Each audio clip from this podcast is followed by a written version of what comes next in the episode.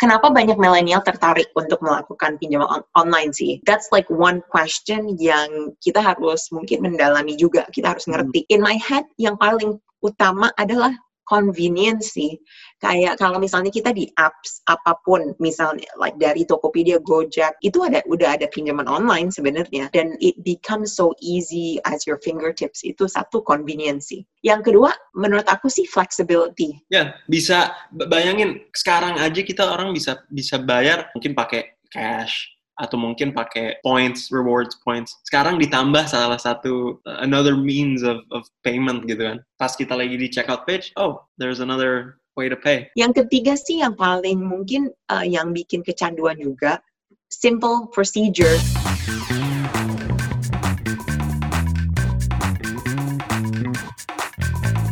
Hi everybody, welcome back to Dompet Millennial with Samira and and Sammy Personal Finance Podcast. Namanya juga Dompet Millennial ya. Jadinya kita emang setiap minggu ngebahas budgeting, saving, everything lah buat uh, millennial money.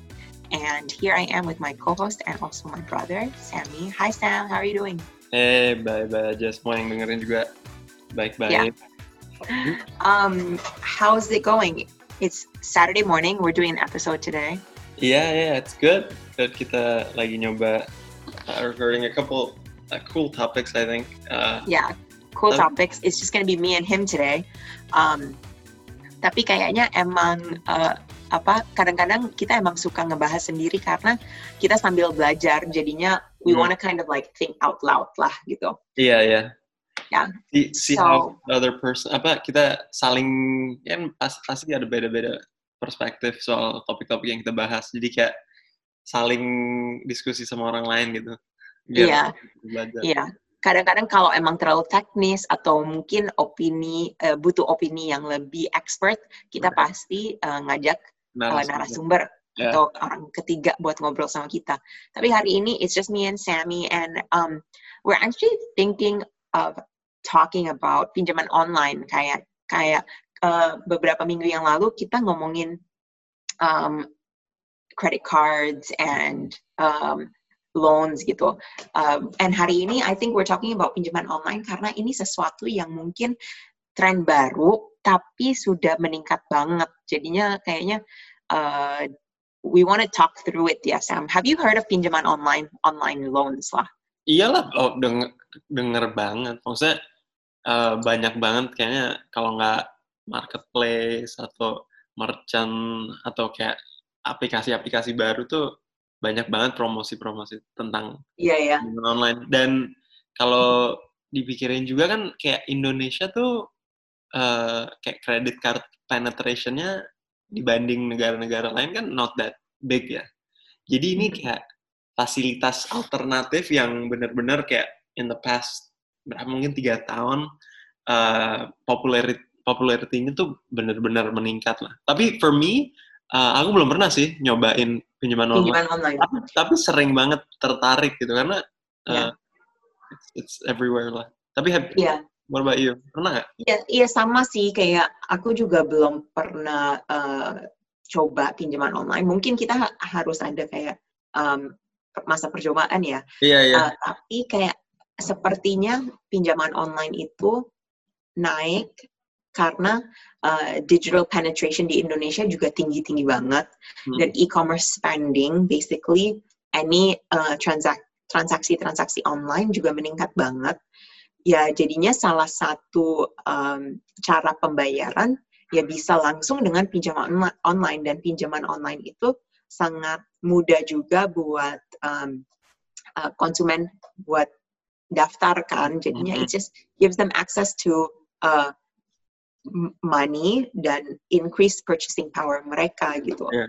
Tapi kalau misalnya kita ngomongin millennials, millennials kan kalau dibandingin generasi yang lain, uh, they have the lowest amount of loan burdens sebenarnya gitu. Mm -hmm. Kayaknya kita udah mulai bukan uh, lebih apa ya lebih efektif di dalam um, bikin keputusan sama loans gitu. Kayak mungkin juga we're not buying as many houses karena we feel like we don't need to and we're not mungkin kayak karena sekarang education banyak online gitu, mm-hmm. we're not spending much on education, uh, yeah. like huge loans gitu, and uh, mungkin banyak juga uh, apa ya kayak alternatif yang lebih murah jadinya kita udah nggak bisa nggak usah ambil loan. Yeah. Tapi ya kalau misalnya dibandingin uh, you know generation X atau kayak baby boomers ya millennials itu masih masih oke okay, maksudnya kayak tidak terlalu tinggi gitu. Mm -hmm. Ya, yeah. it's interesting juga sih. Aku inget banget kayak mungkin mungkin dua tahun tiga tahun yang lalu baca artikel uh, kayak stigmanya pakai credit card atau being uh, like having loans. Tapi kayaknya sekarang it's kind of like gone away. Kayaknya sekarang have like uh, increase in loan amount, it's fine fine aja gitu. Yeah, yeah. It's become a little bit more normal. Uh, yeah. Karena kan takutnya kayak dulu uh, sempet ada kayak fear di mana kayak uh, ngapain aku pakai credit card atau loan, mending aku debit card aja uang yang aku udah ada. Tapi kayaknya kebelakangan ini mungkin uh, realization ada benefits benefitsnya juga pro and consnya juga untuk pakai yeah. uh, uh, uh, loan facility gini. Tapi bener sih kalau misalnya kita bandingin sama um, uh, generation generation yang yang yang lain gitu. Walaupun mungkin kita loan size-nya masih lebih kecil, tapi growth-nya dibandingin yang lain much much bigger. Yeah. Yeah, yeah. like what you said kan, the digitalization, it's just made it easier.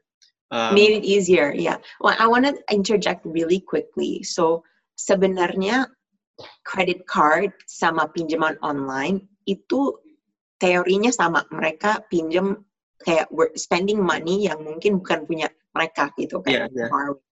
Tapi pinjaman online sama credit card itu sangat beda gitu right? Mm-hmm. Not everybody can have a credit card. Kalau punya credit card itu biasanya harus punya bank account dan ada asosiasi antara savings account sama credit card yang dikasih gitu. Tapi pinjaman online tidak perlu. Biasanya cuma perlu KTP, yeah. uh, right? Yeah, yeah. KTP dan um, uh, ini apa nomor mm-hmm. telepon. Yeah. Prosesnya. Yeah. So, yeah, so we'll we'll talk about that a little bit later gitu. Kenapa yeah.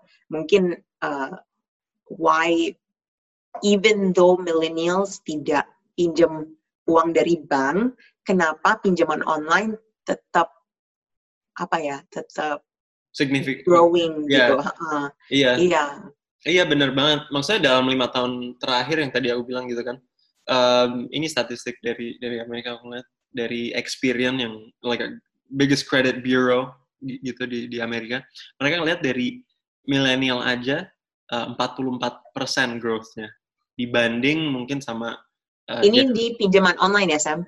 Ini ini di pinjaman uh, ini 44% growth di pinjaman online. Iya. Yeah. Dari tahun lalu aja gitu ya? Dalam lima tahun terakhir. Oh dalam lima tahun, oke. Okay. Dalam lima tahun terakhir. Terus kalau kita kayak kalau dibanding sama baby boomer cuma dua persen. Iya iya iya. Um, iya sih, it's like it's like um, an amazing new new innovation juga hmm. gitu.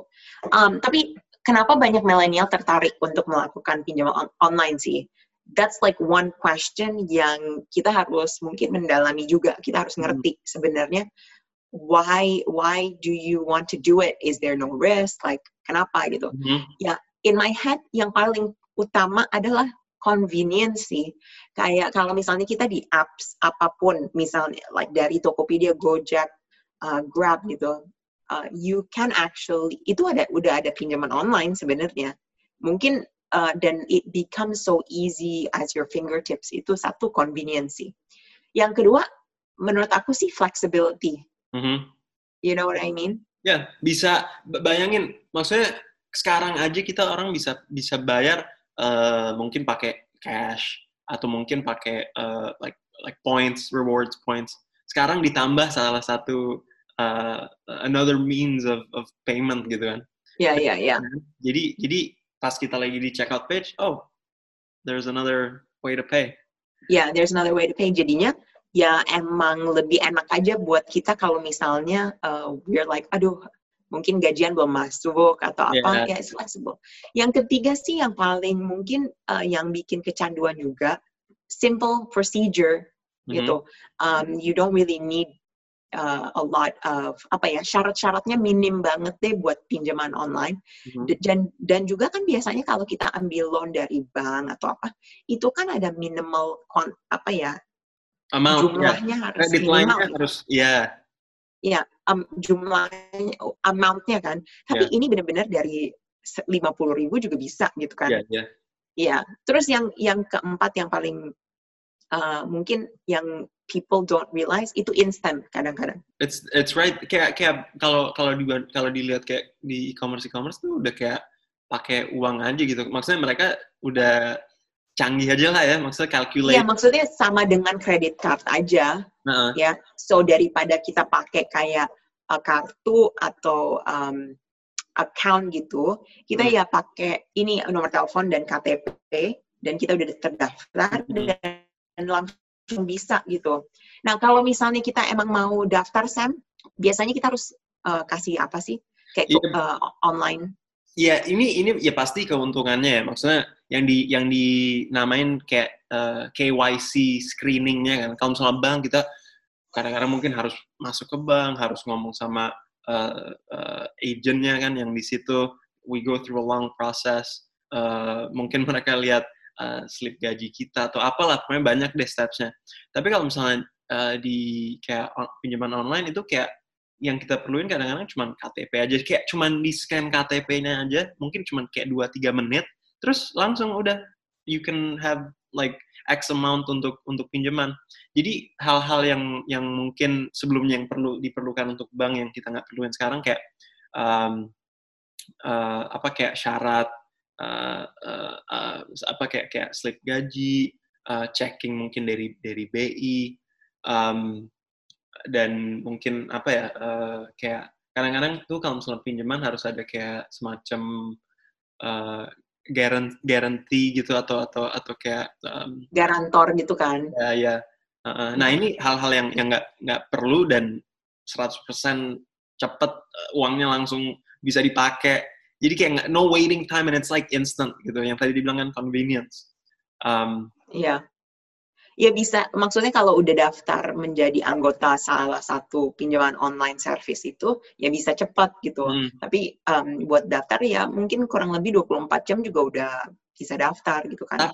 tapi salah satu hal juga ya mungkin um, walaupun pinjaman online lebih lebih gampang lebih apa ya straightforward lebih fast masih ada aturan-aturannya juga gitu kalau kita ngelihat um, kan sekarang governing body-nya kan OJK ya otoritas sekuritas uh, keuangan Uh, ot- ya um, itu kalau nggak salah mungkin beberapa tahun yang lalu mereka ngeluarin uh, pengumuman juga lah untuk rules-nya pinjaman online. Jadi it's it's a regulated area juga gitu. Jangan kira ah ini pinjaman online uh, karena masih startup yang ngerjain atau tech gitu masih baru regulationnya nggak ada tapi tapi ada Iya, Uh, nggak lost juga gitu.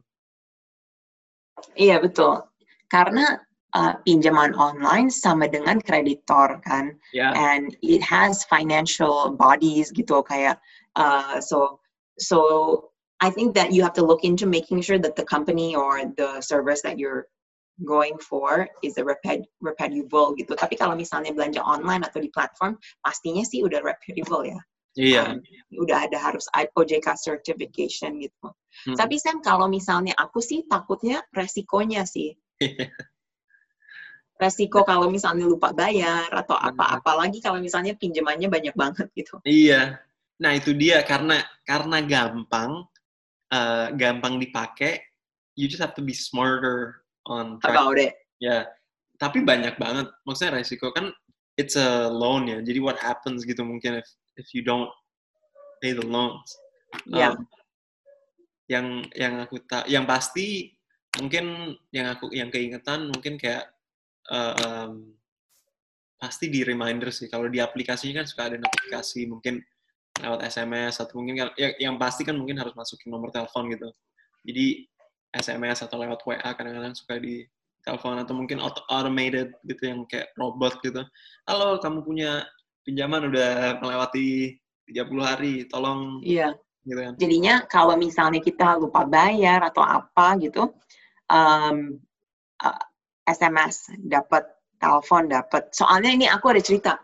Jadinya uh, salah satu temen aku uh, perusahaan dia uh, punya pegawai. So basically there's an employee of a company gitu. Terus yeah. dia tulis um, kayak apa ya um, tanggungannya itu company itu jadinya kalau misalnya nggak dibayar yang ditulis nomor telepon tuh company itu jadinya dia udah resign udah enam bulan atau hampir kayak sembilan bulan udah resign ternyata pinjaman online-nya tidak bayar. Hmm. Akhirnya yang dikejar-kejar yang pegawai apa uh, company-nya yang yeah. dia tulis. Iya gitu. So ya siap-siap aja ya keluarga dan rekan kerja pas bisa juga dihubungin sama pinjaman online gitu hmm. juga jadinya kalau misalnya kita nggak uh, berhasil bayar gitu um, akan di di telepon dihubungin gitu ya. Hmm. Iya, wah itu itu gila sih.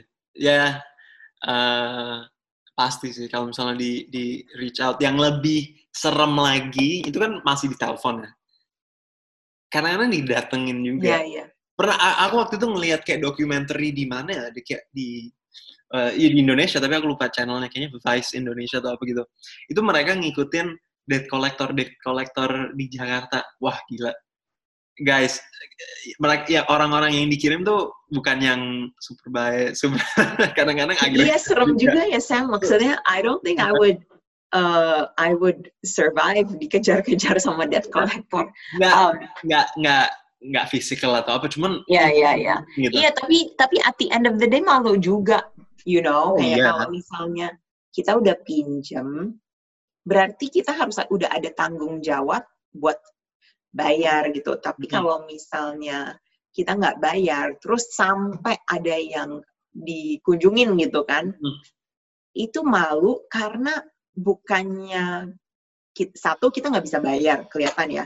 Yeah. Yang kedua um, kita nggak punya tanggung jawab kelihatannya yeah. ya. Yeah. Yeah, so I think it's like um, a little bit embarrassing. Apalagi kunjungan itu bisa dilakukan ke beberapa tempat gitu, bisa tempat tinggal atau misalnya di kantor dengan teman-teman juga kan. Belum tentu kita di, lagi di rumah sendirian. Um, yeah. So I think it's just like ya yeah, kalau pinjaman online sangat simple, super duper simple dan uh, banyak kayak apa ya, um, pasti banyak warning gitu. Tapi kalau misalnya sampai uh, nggak nggak dibayar dengan cepat, ya itu di benar-benar di, dikejar ya. Dan apalagi kalau misalnya pinjaman uh, online kan ada interestnya ya, yeah. ada suku bunganya kan. Yeah. Jadinya kalau misalnya kita nggak bayar, satu ada itu. Terus yang kedua pasti ada denda uh, keterlambatannya juga. Yeah. Um, ya yang kita harus bayar gitu. Hmm. Dan itu cukup besar juga. So I think that like pinjaman um, online super simple, super easy tapi we just have to be careful karena kalau misalnya kita keselip dan belum tentu kita nggak bayar karena kita nggak mampu bukannya itu kadang-kadang juga there's so much things going on in life ya kita lupa aja gitu iya kan. iya iya ya. bener, banget dan uh, jangan kira ini misalnya udah udah ke, udah dibayar apa segala denda apa segala udah uh, ini ini sekarang kita udah di era di mana everything is is uh, being taken note of atau atau ada datanya gitu. Jadi kalau misalnya yeah. kamu ngelewatin interest dan mungkin berapa bulan udah denda udah yang fatal gitu kritikal, itu uh, dari OJK pun sekarang udah mulai dicatat. Jadi kalau misalnya kita mau minta kredit lagi ke depan, misalnya misalnya yeah. sekarang kita pinjaman online dulu, terus ntar mau ke kredit card, taruhlah itu that's maybe the progression. Itu ntar ada note-nya, oh mungkin aku ya semi uh, dulu nggak bayar uh, loan-nya tiga tahun ya siapa iya. kan jadi jadi kita ada bad record gitu um, dan untuk kayak uh, apa ya grup kita yang milenial we wanna start off right jangan yeah. kita, like uh, malah in a negative state iya betul betul soalnya itu akan benar-benar mempengaruhi um, aset-aset ke depan di kita. Mm-hmm. Misalnya kita mau ambil KPR di bank gitu. Yeah bank tanggung jawabnya mereka adalah due diligence, um, financial due diligence on us gitu. Mm. Mereka akan hubungin dari kantor, lihat uh, apa uh, bank statements Yeah. dan pastinya mencari juga kayak kalau kita ada pinjaman atau kayak kredit yang belum dibayar atau sampai pun um, keterlambatan di pembayaran ada semua juga gitu. Jadinya jangan sampai ini um, apa nge-influence uh, investasi ke depan kita juga kan. So Hmm. I just think it's about being careful, it's about being smart juga gitu. Soalnya banyak banget langkah-langkah yang um, mereka berani ambil juga sampai juga kayak misalnya sita barang gitu. Iya. Uh, ya ini, ini mungkin uh, langkah akhir ya yang mungkin bisa dilakukan sama mereka tapi it's possible and it has been happening juga gitu. Iya. Um, ya apalagi kalau misalnya jenis pinjamannya tanpa jaminan seharusnya memberi pinjaman tidak bisa melakukan penyitaan barang ya Iya. tapi it can happen juga Mm-mm. ya. Iya, iya. Jadi there's so there's uh, walaupun There's like and and me and Sammy kita benar-benar tidak punya opini ya sama ini Yeah. sama pinjaman online. Karena menurut aku kalau misalnya kita ngelihat kecepatan transaksi dan uh, di online ya, sometimes kita juga bisa bayar dengan pinjaman online tapi benar-benar lupa gitu. Mm-mm. So it's just about being careful, being uh, neat, organized about this gitu. Ya, tapi kalau misalnya it it happens, there is a way for you to talk to them juga karena at the end of the day, um, at the end of the day, I think that mereka juga mengerti kalau misalnya uh, ada lah beberapa kayak kasus yang kita benar-benar lupa atau misalnya ada pindahan atau apa Iya. gitu kayak atau pinjaman online-nya dilakukan oleh pasangan kita gitu Iya. pasti mereka juga ngerti uh, that we can maybe restructure it atau um, misalnya dendanya diturunin gitu Mhm. itu juga possible sih mereka sangat reasonable Iya, iya. Iya. betul. Tapi mungkin sekarang kita ngebahas juga how can we prevent that these apa, situations from happening ya ya. ya Maksudnya apa what's the what's the good uh, best best best practices mungkin best untuk practices ya ya untuk uh, when we have kayak pinjaman online atau atau just loans in general. gitu. ya Um, yang pertama kalau misalnya men- menurut aku ya kalau kalau mau pinjam itu don't overextend yourself gitu. Oke Always know your limits. Um, apa itu dari you know you can you can benchmark it dari penghasilan atau dari the amount of savings you have. Tapi kayak there's like an amount yang oke kalau misalnya aku pinjam X amount berapa bulan ke depan, I know I can pay it from my savings atau enggak from my income atau enggak I, I limit it. Jadi jadi kita uh, apa ya? uh, walaupun mungkin lu yang kita bilang lupa, tapi we have mungkin the, the money atau we know when the money is gonna come in untuk kita cover gitu. Jangan sampai we over leverage dan kita pinjam lebih dari mungkin yang kita hasilkan atau yang kita punya kan. Itu that's that's the known big no gitu. Um, from from from my perspective. Iya, iya sih. I think I think that's like anything in finance kita jangan um, kita jangan lompat sebelum kita benar-benar tahu konsekuensinya sih. Ya. Kayak ambil resiko tapi benar-benar harus mengerti juga um, ya konsekuensinya setelahnya kan. Hmm. Ya terus ya I, I know like it kayak just a few things ya. Itu um, ini sih kayak kalau misalnya kita ap- apakah kita butuh dan misalnya uh, per bulannya cicilannya berapa kalau ada gitu. Hmm. Terus juga jangan jangan tergiur juga ya de- dengan kemudahan pinjaman Ya. kemudahan dan kecepatan pinjaman online. Soalnya uh, ada bunganya dan ada biayanya juga gitu. So kalau misalnya overall itu lebih mahal daripada mungkin kita saving dulu gaji atau kita menunggu gaji kita masuk gitu, maybe it's better to do that too. So Yeah. ya yang yang paling penting ya siap dengan konsekuensi penagihan juga gitu ya. Hmm. Hmm. Iya. Dan kadang-kadang kan dibikin gampang ya.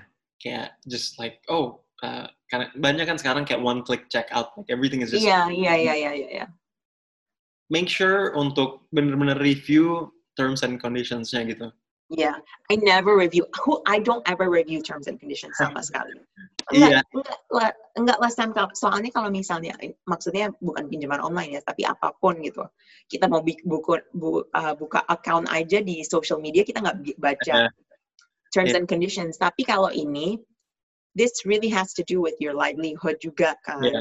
Dan dan bukan kalian sendiri aja, tapi mungkin keluarga dan pasangan juga. So uh, it's worth it gitu kayak buat baca TNC-nya, perjanjian kreditnya itu kayak gimana, Hmm. apakah ada kayak uh, apa deadline-deadline yang kita harus catat gitu Yeah. kan. So so iya, Kes- jadinya Sam kan kita udah ngobrolin nih dari A sampai Z pinjaman online. Uh, in your opinion sekarang kalau misalnya um, you're buying something online kayak di e-commerce atau apa, kira-kira akan pilih pinjaman online atau enggak? Kalau menurut aku, eh, aku mungkin mau make ya, eh, karena apalagi untuk pembelian-pembelian kecil gitu, yang mungkin I know I can like uh, pay for it later. Um, itu I, aku pengen sih kalau misalnya kayak apa installment atau apa gitu, aku sih oke. Eh, tapi kalau misalnya untuk em, pembelian-pembelian besar mungkin masih belum comfortable aja gitu. Mungkin yang lebih kecil yang kayak Iya, iya, iya. Iya sih. Hmm. Iya, yang lebih kecil. Aku kayak selalu tergoda pinjaman online kalau lagi abis udah abis online uh, GoPay nggak ada. Oh iya iya. Terus lagi mau GoFood tapi GoPay-nya udah abis, eh, tapi males ke bawah buat bayar cash. Itu yang paling tergoda. Tapi akhirnya ya udah isi GoPay aja. Iya iya. Tapi iya sama with you. Mungkin yang kecil-kecil sebenarnya nggak apa-apa ya pinjaman online buat coba-coba juga. Aku pengen Iya. deh eksperimentasi. Um, Mungkin kita juga bisa apa uh, kalau apa guys comment mungkin uh, let us know your experience with pinjaman online. Mungkin- Iya, iya, pinjaman online experience. Iya, betul, betul. Tapi mungkin I wanna end dengan quote ini. If the start of one, ini ini quotes dari Mrin Agarwal, founder director of FinSafe ya. If the start of one's financial life is fueled by loans, how will the person ever learn the importance of savings? And Hmm. that, dan aku setuju banget, savings itu sangat penting. Um, so maybe kita bisa kontras antara ke maybe next time ya. Mhm. It's very simple buat kita pinjam online. It's very difficult buat kita menambahkan savings. Tapi sebenarnya at the end of the day yang lebih fulfilling yang mana gitu ya. Mhm. Jadinya um, mungkin se- sebisa mungkin jangan berutang, Iya. apalagi kalau misalnya kita uh, belum mengerti juga hal-hal yang Iya. uh, yang apa ya difficult for us to Mhm. manage gitu. Iya. Dan Iya. juga know the know the consequences gitu. Nggak Iya. semua hal, uh, not everything is as uh, easy as it seems. Pasti ada Iya. sesuatu at the back end juga yang kita harus tahu. Iya, iya. Ada pros and cons pastinya. Exactly. Um, but anyways, yeah, this is a good exercise for us buat kita memikirkan pinjaman online. Soalnya me and Sammy kita belum ada juga experience dengan um, cara pembayaran ini. So as you know, setiap minggu Senin sama Kamis kita uh, selalu mau belajar sama kalian juga ya. Dan kita minta maaf kalau misalnya maybe uh, lebih banyak apa ya pengetahuannya bareng gitu like we're kita belajar bareng juga gitu Dan emang kayaknya kita uh, bukan mau coba lecture juga ya. Kita maksudnya mau iya heeh. ngobrol aja gitu. Kayak yes iya exactly exactly. Banyak banget expert financial makanya setiap minggu biasanya kita ada uh, orang yang ngobrol bareng kita. Tapi kadang-kadang kalau misalnya kita lagi pemula belajar satu topik kita mau ngobrol dulu sendiri. Hmm. um, so hope you enjoyed it. And let us know your experience with pinjaman online. And don't forget to give feedback and um, insight. Atau kalau ada pertanyaan check us out di Instagram at dompet millennial dan juga dengerin di uh, podcast kita ya Ya. on all um, uh, channels dari Spotify, Kaskus, Apple Podcast juga. Okay, see you guys. Alright, thanks guys.